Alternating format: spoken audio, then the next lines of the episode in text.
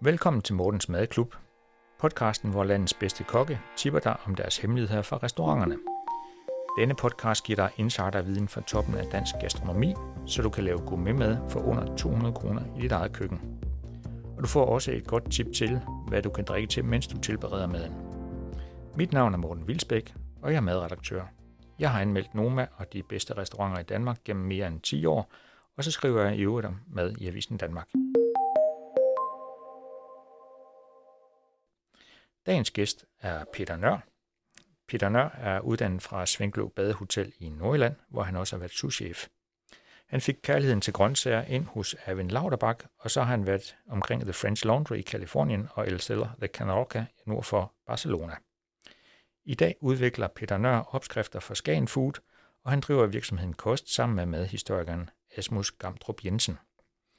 Og sammen har de blandt andet skrevet bogen Kål. Velkommen til dig, Peter Nør Christensen. Tak skal du have. I dag skal vi øh, tale om en, en ret speciel fisk, som de færreste har smagt, og endnu færre har, har lavet selv. Øh, jeg har selv prøvet at tilberede den et par gange, og det er jo øh, i virkeligheden ret nemt. Øh, omvendt så er der et par ting, man skal, man skal huske, når man går i gang med den. Og hvad har vi på køkkenbordet i dag? Jamen, øh, på køkkenbordet har vi som sagt øh, rokkevinge, som er en øh, meget speciel øh, fisk, og det er jo faktisk, som øh, ordet siger, en vinge, øh, hvor alt kødet sidder på. Og så har vi øh, nogle dejlige grøntsager, øh, knoldselleri, øh, grønkål, og så en god sauce lavet på løvstikke blandt andet. Det lyder sørme godt. Øh, hvis jeg nu gerne som, som lytter af podcasten her vil have, have fat i øh, rokkevinge, hvordan, øh, hvordan får jeg det? Ja, altså det er i hvert fald ikke en af dem, man finder øh, i supermarkedet, hvor man jo i forvejen ikke rigtig finder noget fisk. Så der skal man ud til sin fagmand, øh, som også kan hjælpe dig med, fordi det vi, i det her tilfælde bruger vi flået rokkevinger, det gør man nok nærmest altid. Øh, så det kan han hjælpe dig med at flå den og, og vejlede dig i, hvor, hvor meget man skal bruge per kuvert og således. Så man går simpelthen til sin, øh, sin fiskhandler og siger, hvis, øh, hvis ikke det, han lige eller hun lige har den, så øh, rokkevinge, er det noget, du kan skaffe i løbet af en dag eller to, eller til på lørdag, hvor jeg får gæster? Ja, det tror jeg er en god idé. Også fordi, at rokkevinge er, er øh, lidt kendt for at blive lidt hurtigt dårlig. Så den skal, den skal være frisk, og den skal opbevares på is, som de selvfølgelig kan hos, øh, hos fiskehandlerne. Så det er en god idé at bestille sådan noget til, når man skal bruge det. Så øh, er vel en god øh, fiskehandler altid sørge for at få det hjem i bedste kvalitet. Super. Jamen, øh, så er, er det jo ligesom på plads. En anden ting, vi skal have styr på her i Mad med Morten, det er, øh, det er drikkevarerne. Altså, jeg kan godt øh, finde på at tage et glas vin, eller et glas most, eller øh, måske en øl, øh, når jeg går og laver mad i weekenden. Øh, Ja. Du har det sikkert på samme måde. Hvad, hvad tænker du kunne være, være en god ledsager til, til rokkevingen? Jamen, jeg synes, til den her ret, der vil jeg gerne slå et slag for øh, det øh, vineri, der kalder sig Andersen Winery, som ligger oppe øh, uden for Aarhus. Øh, de laver noget ekstremt interessant deroppe på æbler. Vi har jo de bedste æbler i verden i det her land, så hvorfor ikke lave noget af det bedste vin i verden? Og de bruger øh, champagne-metoden til at lave øh, et, et helt øh, hav af forskellige super gode muserende vine. Øh, og jeg vil så slå, øh, jeg vil så den her ret vil jeg så bruge den øh, vin, der hedder Berserk, som er sådan lidt mere øh, over i det moderne udtryk. Nu snakker vi champagne, så tænker man selvfølgelig klassiske smage og klassiske metoder, men her har de faktisk lavet den vildgær i første øh, gæring, så det giver den lidt, øh, lidt nogle anderledes og måske knap så konservative øh, noter. Den synes jeg er enormt interessant. Det med, det med vildgæring, det er jo en sjov ting, fordi at, at det er jo, der, der, der hvad skal man sige, vinmæren laver jo, hvad skal man sige, naturen arbejde, eller i hvert fald gæren arbejde, og det kan jo stikke ja. i mange forskellige retninger. Øh, så der har man jo et, et lidt mere, altså det er jo et sats at tage fra, fra, fra og ikke mindst fra en, fra en lille vinmager, og, og sige, jamen vi, vi bruger den vildgær til at, at skabe de nuancer, der, der, mm. der skal være i vinen. Hvad, hvad, hvad, hvad kan vi vente af, af den her berserk? Altså alene navnet er jo fantastisk. ja, og jeg tror også, det er fordi, det er deres øh, vildgade øh, variant, at de, at de har givet den det navn, for ligesom at vise, at den er ikke sådan helt så, som de andre måske. Jamen altså, jeg synes jo, Altså, den har, den har virkelig en fantastisk aroma. Den dufter helt fantastisk af, af Ingrid Marie æbler, øh, som, øh, som jo bare er et fantastisk æble i sig selv. Og så formår de bare at, at at lege med nogle syre, der gør, at den, den, den, er, både, altså den er både enormt let drikkelig, men også enormt interessant øh, samtidig. Så der er virkelig noget, og altså, det, den smager bare super godt. Altså det der med at være let drikkelig og interessant på samme tid, det er jo, det er jo ja. hvad skal man sige, øh, det er jo en, en super kombi. Øh, og jeg ja. tænker også, øh, hvad skal man sige, mange retter med fisk, der går syrene i æbler jo rigtig godt til. Altså så kan man sige, så får man den egentlig bare på glas med nogle bobler her, og det, det er vel egentlig ekstra lækkert. Helt sikkert. Det er også derfor, jeg synes, det passer ret godt til, og jeg synes også generelt, at det er lidt undervurderet at drikke øh, drikke muserende vin til, til mad. Altså vi, vi i Danmark har måske lidt en tendens til at bruge det som en, en starter, og så, og sådan det, og så nytårsaften selvfølgelig. Men jeg synes godt, man kan, der, øh, undersøge markedet lidt bedre. Der er kommet en masse interessante sider, og, og i det her tilfælde museerne vine derude, som, som er rigtig spændende til mad. Ja, jeg tjekkede op på, på, på deres hjemmeside her hos Andersen Winery. Altså, man kan jo faktisk få, få, få deres vine temmelig mange steder i Danmark, så det er egentlig bare ja. at, at gå ind på hjemmesiden, og så finde Holte Vinlager, eller Vinople, eller, eller hvor den nu er, er til salg, eller køre over og besøge dem. Det kan man vel også. Det kan man også. Måske ikke lige i, i disse tider, men Nej. de har en meget fin øh, lille bar, man kan komme og smage alting. Yes, men inden vi øh, fortaber os sådan helt i, i Basak, øh, så skal vi jo egentlig lidt tilbage til det, det egentlig handler om, altså, altså øh, rokke, rokkevinger og rokke. Altså jeg, jeg øh, køber også normalt rokke, hvis jeg kan, hvis, hvis, hvis jeg kan se den øh, hvis fiskehandleren, og den er jo faktisk, det er faktisk en billig fisk, i modsætning til, til mange andre øh, kendte, kendte og, og, hvad skal man sige, berømte fisk som øh, havtæsk og sådan noget. Hvad, hvad, hvad, du, du nævnte, at den, øh, den bliver hurtigt fordærvet, men, og det skal vi ikke ud i. Øh, så vi skal egentlig vi skal have den hjem, og så skal vi have den tilberedt øh, på dagen faktisk. Øh, hvad vil du gøre med, med rokkevinge i, i, den, i dagens udgave? Jamen altså, i det her tilfælde vil jeg faktisk pochere den. Altså, den, den, der er ingen tvivl om, at den smager også helt forrygende, ligesom man steger en rødspætte, altså vendt i mel og stegt i smør. Det er fantastisk spise, men jeg synes nu øh, også øh, gerne, jeg vil slå øh, lidt et slag for at pochere fisk. Mm-hmm. Øh, det synes jeg, man kan komme rigtig langt med, og især i, i, i hjemme i privaten. Øh, synes jeg godt, man kan prøve at arbejde lidt mere med at pochere fisk det, det kommer der rigtig meget godt ud af. Kan du fortælle lidt om, hvordan man gør sådan helt praktisk? Fordi øh, altså, det, det, der, det, der er tricky med fisk, det er jo også, at, at man, man får fisken saftig, uden at den bliver banket fuldstændig igennem. Hvordan sikrer ja. man det ved pochering? Altså, for det første, så tror jeg også, at det er en, vi, vi er lidt, øh, i det her land, er vi lidt bange for øh, fisk med ben. eller på ben, som vi siger. Ja. Øhm, men, men desværre så, man mister også meget smag, når man, når man får fiskehandleren til at skære benene væk. Og i sådan en rokkevinge her, der er jo så faktisk ikke det, der hedder ben. Der er jo, den har sådan nogle sjove brusk-lameller, øh, som, øh, som er det, der er benene her. Øh, og dem lader man, de sidder inde i midten. Det, det er meget nemt. Hvis man har prøvet at tage kødet af en rødspætte, så, så er det samme metode, når man har tilberedt sin rokke. Man, man glider det simpelthen bare af brusken i det her tilfælde. Men, men til gengæld, man vinder virkelig meget smag, og jeg synes, at pochering er en af de, hvis man, hvis man måske er lidt nervøs for at gå til øh, fisk med ben, så synes jeg, at pochering er en af de absolut bedste og nemmeste metoder derhjemme at få succes med. Så øhm, altså, jeg, vil, jeg vil jo tage, altså der er sådan nogle tommelfingerregler, men jeg vil sige, hvis du har, lad os sige, du har 500 gram rokkevinge, mm-hmm. flået rokkevinge, som har som, som, på ben, eller brusk, øh, så skal du tage cirka 5 liter vand i en gryde, og så øh, salte det rigtig godt. Det, det skal være nærmest ligesom øh, Vesterhavet. Øh, og så kan du tilsætte lidt smagsgiver, hvis du gerne vil give lidt ekstra øh, til din fisk, så det kunne være et løg eller nogle portoppe, og så gerne øh, et lille, måske 2-3 spiskefulde eddike. Og så koger du det her vand op til det bullerkoger, og så slukker du og lægger din fisk i og lægger låg på. Og så lader du den stå måske kvarter, 20 minutter, uden at der er blus under gryden. Fordi så er vi oppe i sådan en temperatur omkring de der, altså lige under kogepunktet, sådan 90-80 grader.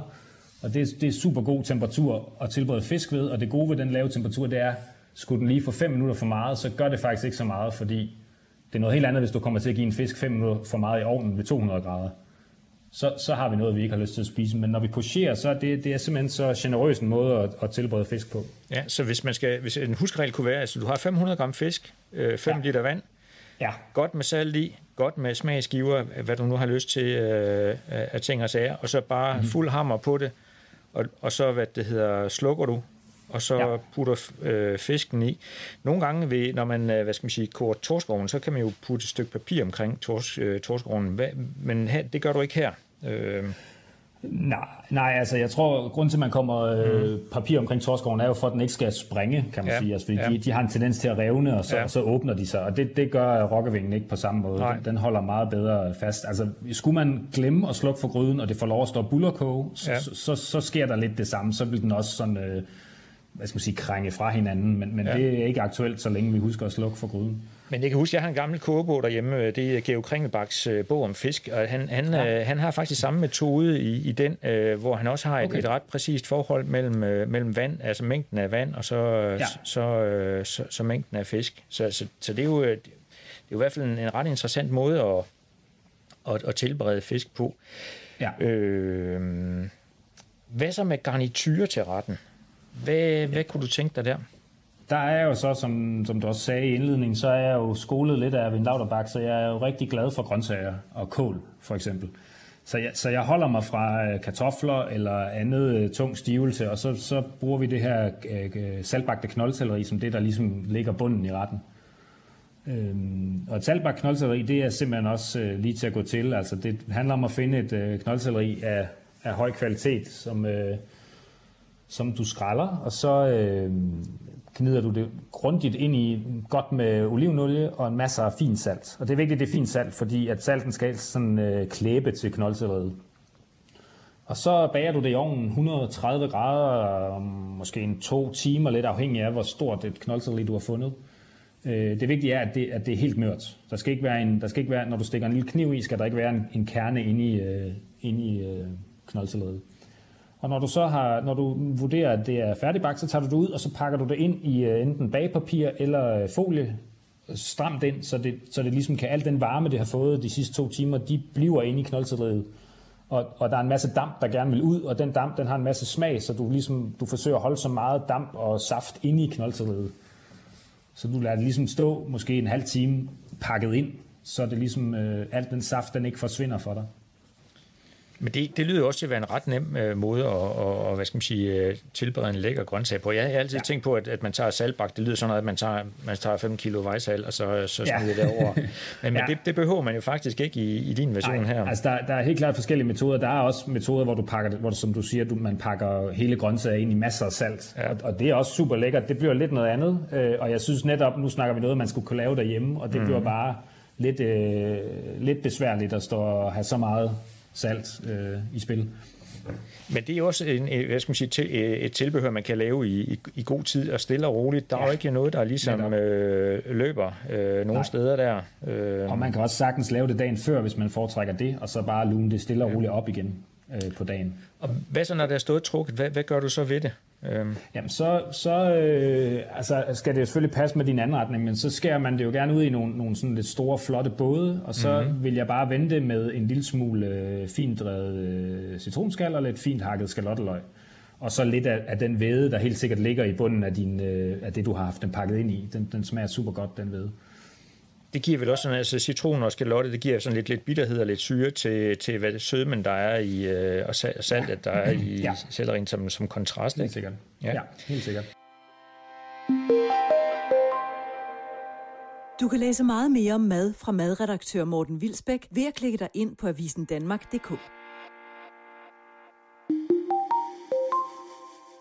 Men øh, nu har vi også, altså du brænder jo rigtig meget for kål. Øh, ja. Og der har skrevet en bog om kål jo. Og faktisk, ja. øh, nogen mener, at det er, det er den bedste bog, der er skrevet om kål. så, øh, så jeg skal ja. lige høre, høre hvad, hvad har du tænkt dig i, i den øh, boldgade til, til vores øh, rokke?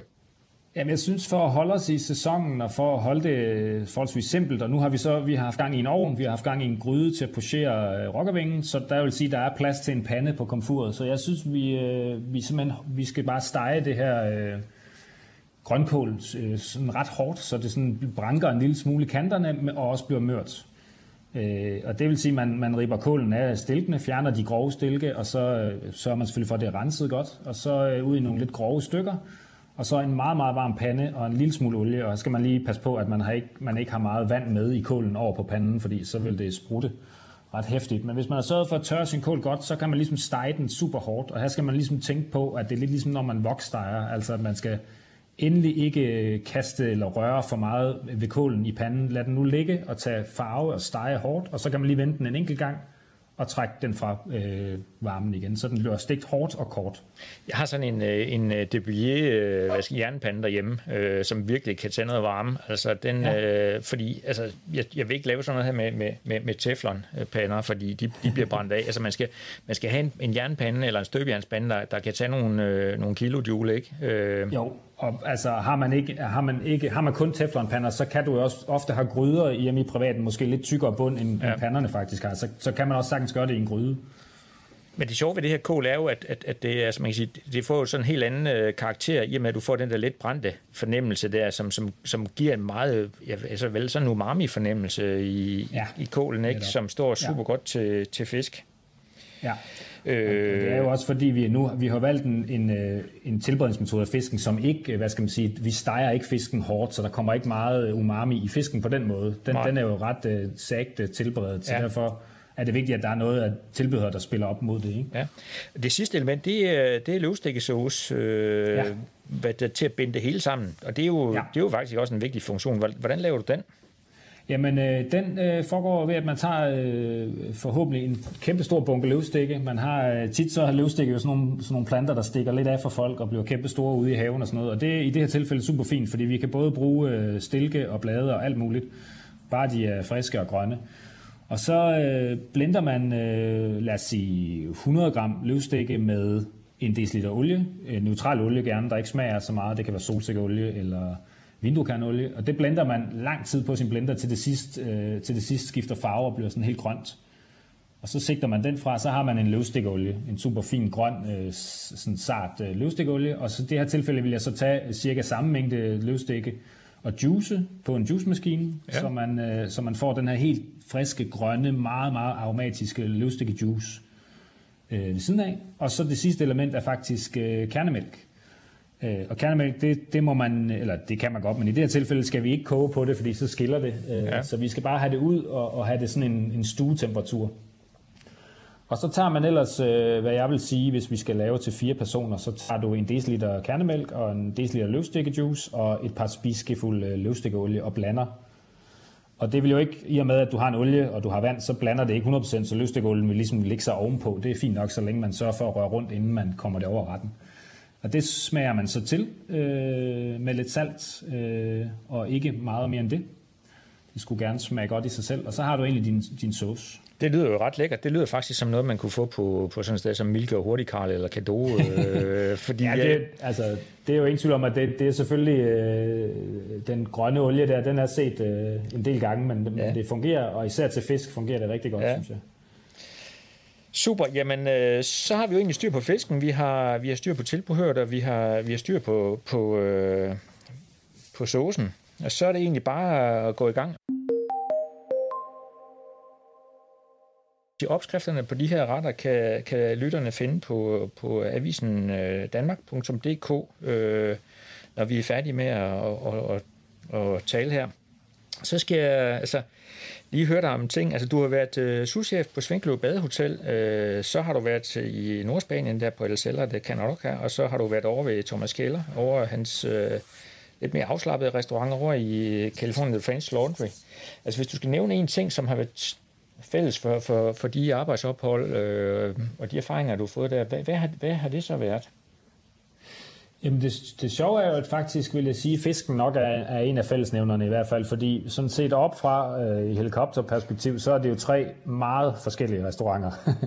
Nærmest så forskellige, som de kan blive, vil jeg sige. Ja. Fordi Svinklev er jo et, er et sted, hvor der, man laver jo forrygende mad, men man laver også mad til rigtig mange. Ja. Øh, og, der er, og der er travlt til frokost, og det ja. er store portioner og sådan nogle ting. Ikke? Øh, og øh, så kan man sige, at El Cerro de Can Roca er jo, var jo øh, og er stadigvæk et, et, et meget eksperimenterende sted, og står mm-hmm. for mhm. den her spanske stil, hvor alting bliver brudt op og serveret i helt skøre teksturer, og er meget sådan lejende køkken. Ja. Og så, øh, nu sagde du nok, øh, Kellers øh, afslappede sted over i Kalifornien, det, jeg synes nu alligevel, det var rimelig stramt kørt. Okay, ja, ja. Og hvis ikke får det til New York, jo. Meget, så, ja. Ja, ja, klart. Ja. Og, og jeg forstår godt, hvad du mener, fordi ja. det er Kalifornien, så ja. det er lidt mere laid-back California-style. Men det er stadigvæk hvide handsker, og det er stadigvæk øh, militær præcist øh, eksekveret ja. mad, ikke? Jo. Øh, og, og, den, og den mere, som, som navnet også siger, den der lidt mere franske stil. Ja. Øh, så tre meget forskellige steder, men også tre steder, der virkelig serverer suveræn fisk. Øh, altså, jeg synes jo, Svinklev er et af de bedste steder i landet, hvis man skal have fisk ja. på sin tallerken. Øh, og, og, og alle tre steder tager, tager fisken enormt alvorligt. Faktisk tog sælger det kan Rock tog fisken så alvorligt, at meget af det fisk, vi serverede, faktisk var fra Danmark. Dejligt, øh, ja. Så de fik simpelthen sendt ned til dem, for, fordi de godt kunne lide fisken fra de lidt koldere vande. Øh, så jeg, jeg tror, det at tilberede fisk på rigtig mange forskellige måder, men alle med det, øh, med det resultat, at er, virkelig en suverænt lækker tilberedning, det, det, var, det er nok det, jeg kan tage med som sådan, at det samme fra de tre steder. Ikke? Fedt. Jamen, ved du hvad, øh, jeg vil sige tak til dig, øh, Peter Nørre Christensen, og tak til jer lyttere, som har, har hængt på og, og skal hjem og lave, lave rokkevinge her.